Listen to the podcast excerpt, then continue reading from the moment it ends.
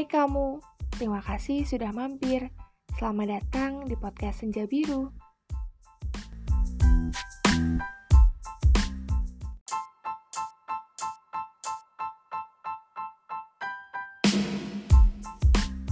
Halo, selamat datang di podcast Senja Biru.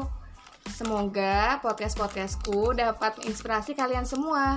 Di episode sebelumnya, aku sudah mengulik tipikal-tipikal mahasiswa menurut podcast Senja Biru. Nah, kali ini aku kedatangan teman-teman yang expert di bidang mahasiswa sikura-kura, mahasiswa sikuliah rapat kuliah rapat. Ini ada dari teman-teman Dewan Perwakilan Mahasiswa dan juga Ketua DPM-nya periode 2019-2020. Nah, langsung aja nih kita kenalan satu-satu uh, dari Pak Ketuanya dulu nih. Silahkan. Halo Kak, namanya siapa? Halo, nama saya Ijlal Hibatullah. Selanjutnya ini ada uh, Kak Malai Sandi, Kak Nurul, Dian, dan juga Kak Pambayun. Nah, uh, langsung aja ya teman-teman. Uh, jadi Dewan Perwakilan Mahasiswa, menurut KBBI Dewan Perwakilan Mahasiswa itu kok KBBI sih? Emang ada? Astagfirullah emang ada ya? Masukin masukin ya masukin. Oh, emang ada? Gak ada deh gak ada. Oke. uh, menurut seperkampusan sepermahasiswaan Dewan Perwakilan Mahasiswa itu apa sih Kak Ijlal? Uh, jadi Dewan Perwakilan Mahasiswa itu adalah sebuah organisasi yang bergerak di bidang legislatif di kampus. Gitu. Jadi uh, organisasi ini itu di bidang legislatif gitu yang biasanya punya tiga fungsi utama yaitu ada legislatif, penganggaran juga pengawasan. Oke, berarti nanti buat teman-teman yang uh, baru menjadi mahasiswa baru boleh dicoba nih masuk ke DPM. Nah, dari teman-teman sendiri nih, kalian kan memilih uh, masa kalian sebagai mahasiswa itu menjadi seorang aktivis kampus ya, atau mahasiswa si kura-kura.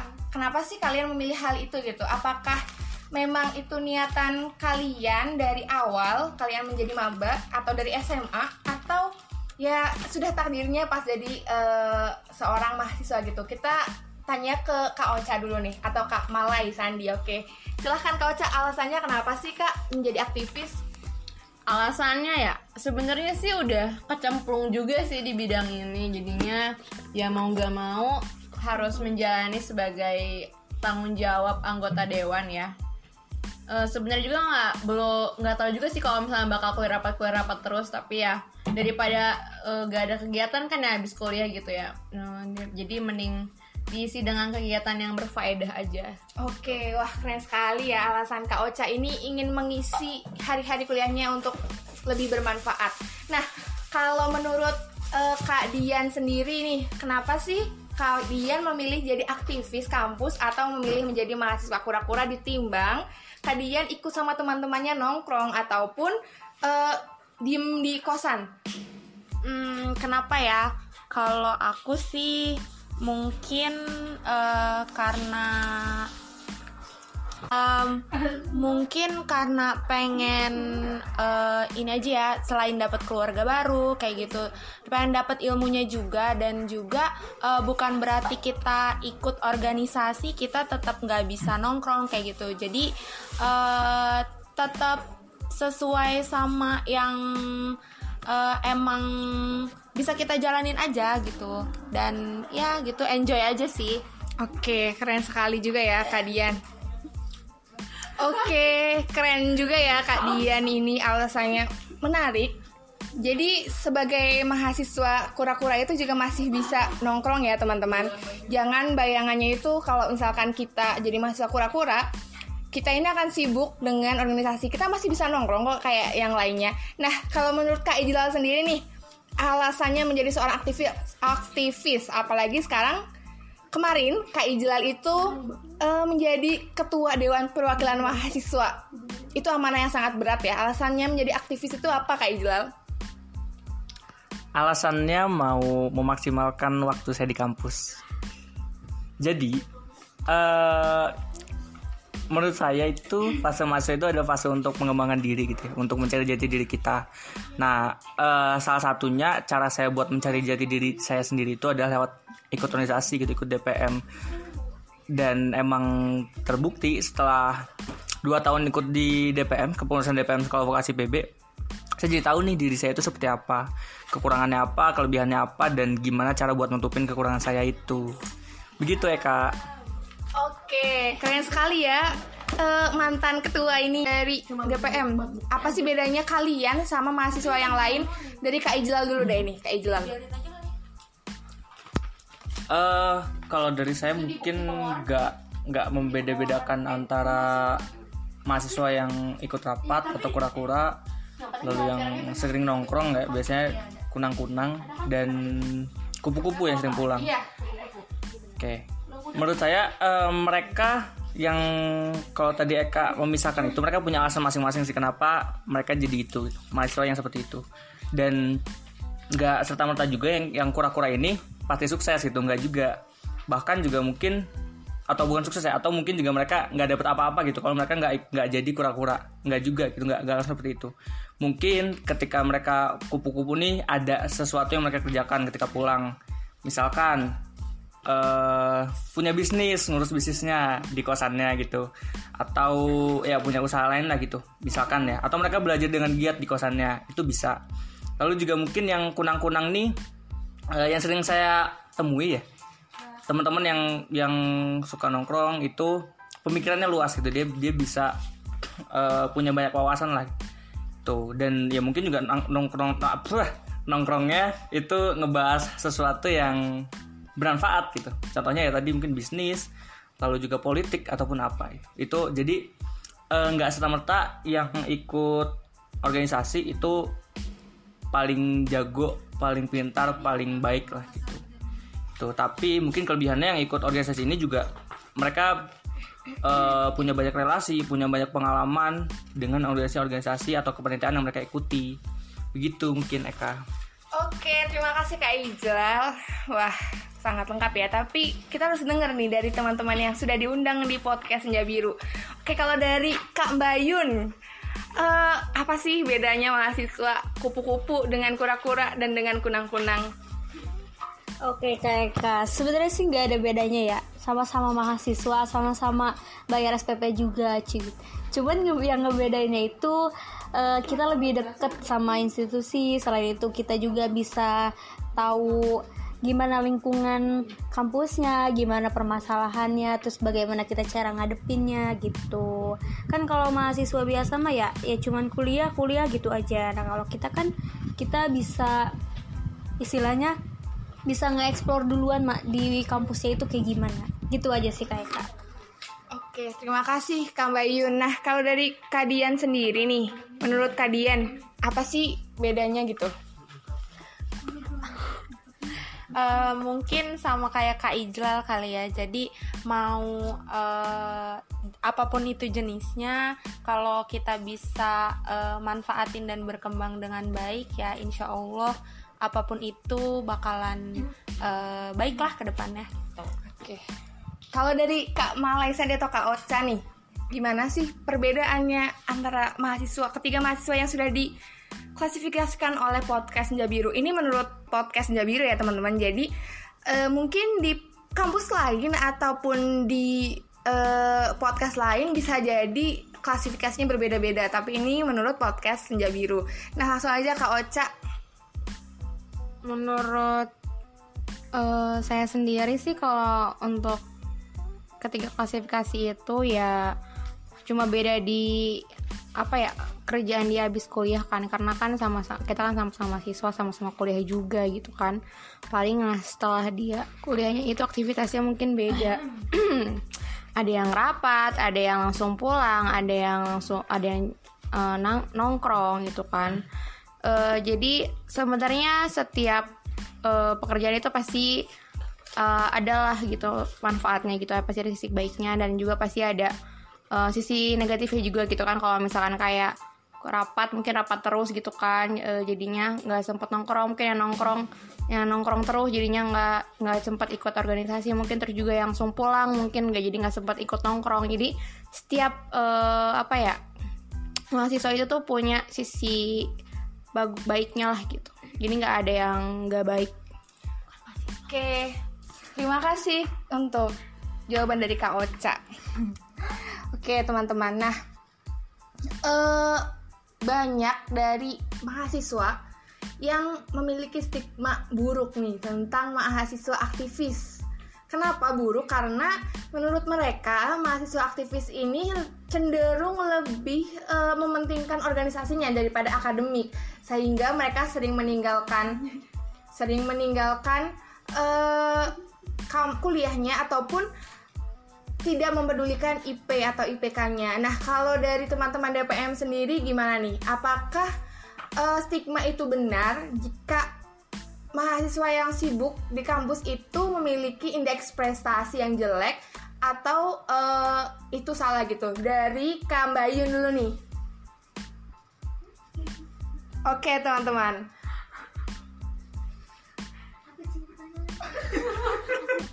Oke, eh, langsung aja ya sama Kang Bayun nih. Gimana nih Kang Bayun? Kalau menurut Kang Bayun, apakah benar em, stigma yang di pikiran mahasiswa lain kalau misalkan anak organisasi ini memiliki indeks prestasi yang jelek gitu? Silahkan Kang Bayun.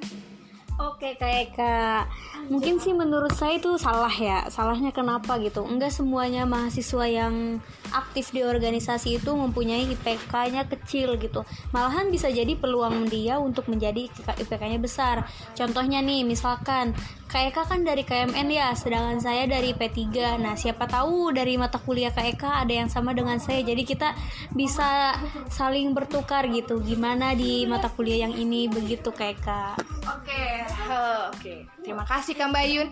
Em, kalau menurut Kak Ijlal nih, bener nggak sih kalau anak organisasi itu IP-nya kecil atau jelek? Atau itu hanya stigma yang eh, stigma seperti angin yang berhembus saja gitu? Silahkan Kak Ijlal. Eh, menurut saya ya nggak bisa di menurut saya ya itu gimana cara kita buat membagi prioritas kita aja sih apakah prioritas kita di apa perkuliahan atau organisasi gitu dan teman-teman saya yang saya temui di organisasi pun nggak semuanya IP-nya jelek gitu. Bahkan banyak juga yang IP-nya masih kumlot atau masih di atas 3 atau bahkan masih ada yang 4 gitu. Nah itu gimana cara mereka aja buat ngebagi waktunya antara perkuliahan dengan organisasinya gitu. Jangan-jangan eh, teman-teman yang IP-nya jelek dan ikut organisasi itu karena emang mereka malas aja dan mengkambing hitamkan eh, organisasi dengan IP dia yang turun atau IP dia yang jelek.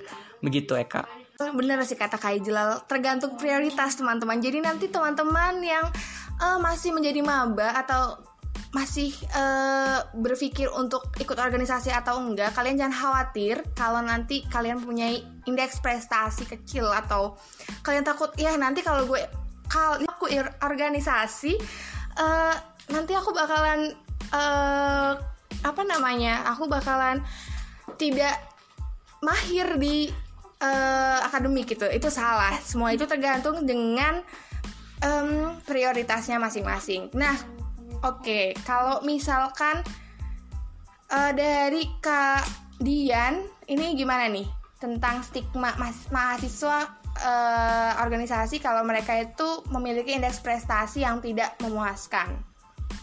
Eh, sama sih kayak yang lain kurang setuju. Pertama, yang tadi juga mungkin dengan cara kita eh, berorganisasi begitu ya, itu bisa dapet eh, relasi dan juga bisa saling tuker eh, info mengenai eh, tugas gitu ataupun eh, materi kuliah.